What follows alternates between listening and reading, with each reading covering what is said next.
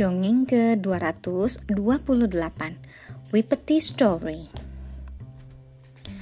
There was once a gentleman that lived in a very grand house, and he married a young lady who had been delicately brought up. In her husband's house, she found everything was fine fine tables and chairs, fine looking glasses, and fine curtains. But then her husband expected her to be able to spin 12 balls of thread every day. Besides attending to her house, and to tell the truth, the lady could not spin a bit. This made her husband cross with her, and before a month had passed, she found herself very unhappy. One day, the husband went away upon a journey, after telling her that he expected her, before his return, to have not only learned to spin, but to have spun a hundred balls of thread. Quite downcast, she took a walk along the hillside till she came to a big flat stone, and there she sat down and cried. By and by, she heard a strain of fine music, coming as it were from underneath the stone and on turning it up, she saw a cave below, where there were sitting six wee ladies in green gowns, each one of them spinning on a little wheel and singing.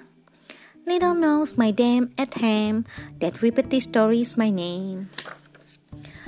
The lady walked into the cave and was kindly asked by the wee bodies to take a chair and sit down, while they still continued their spinning.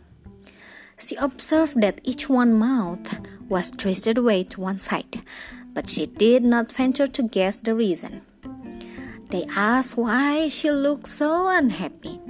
She told them that she was expected by her husband to be a good spinner.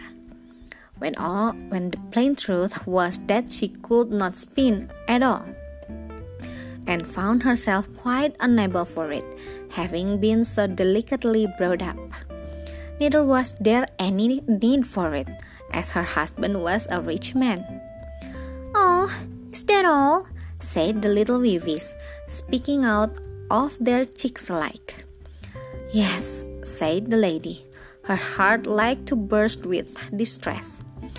We could easily quit ye at the trouble, said the wee woman. Just ask us all to dinner for the day when your husband is come back. We'll let you see how we'll manage him. So the lady asked them all to dine with herself and her husband on the day when he was to come back.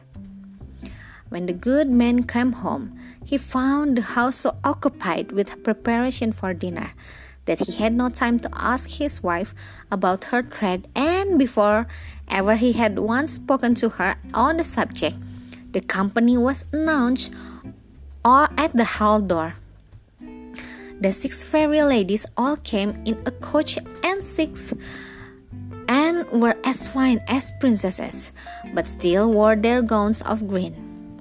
The gentleman was very polite and showed them up the stairs with a pair of wax candles on his head.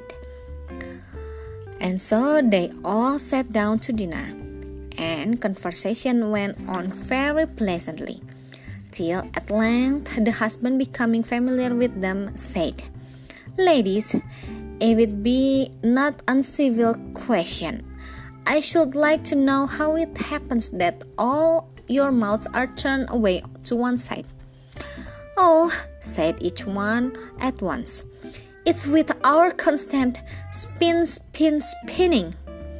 Is that the case? cried the gentleman.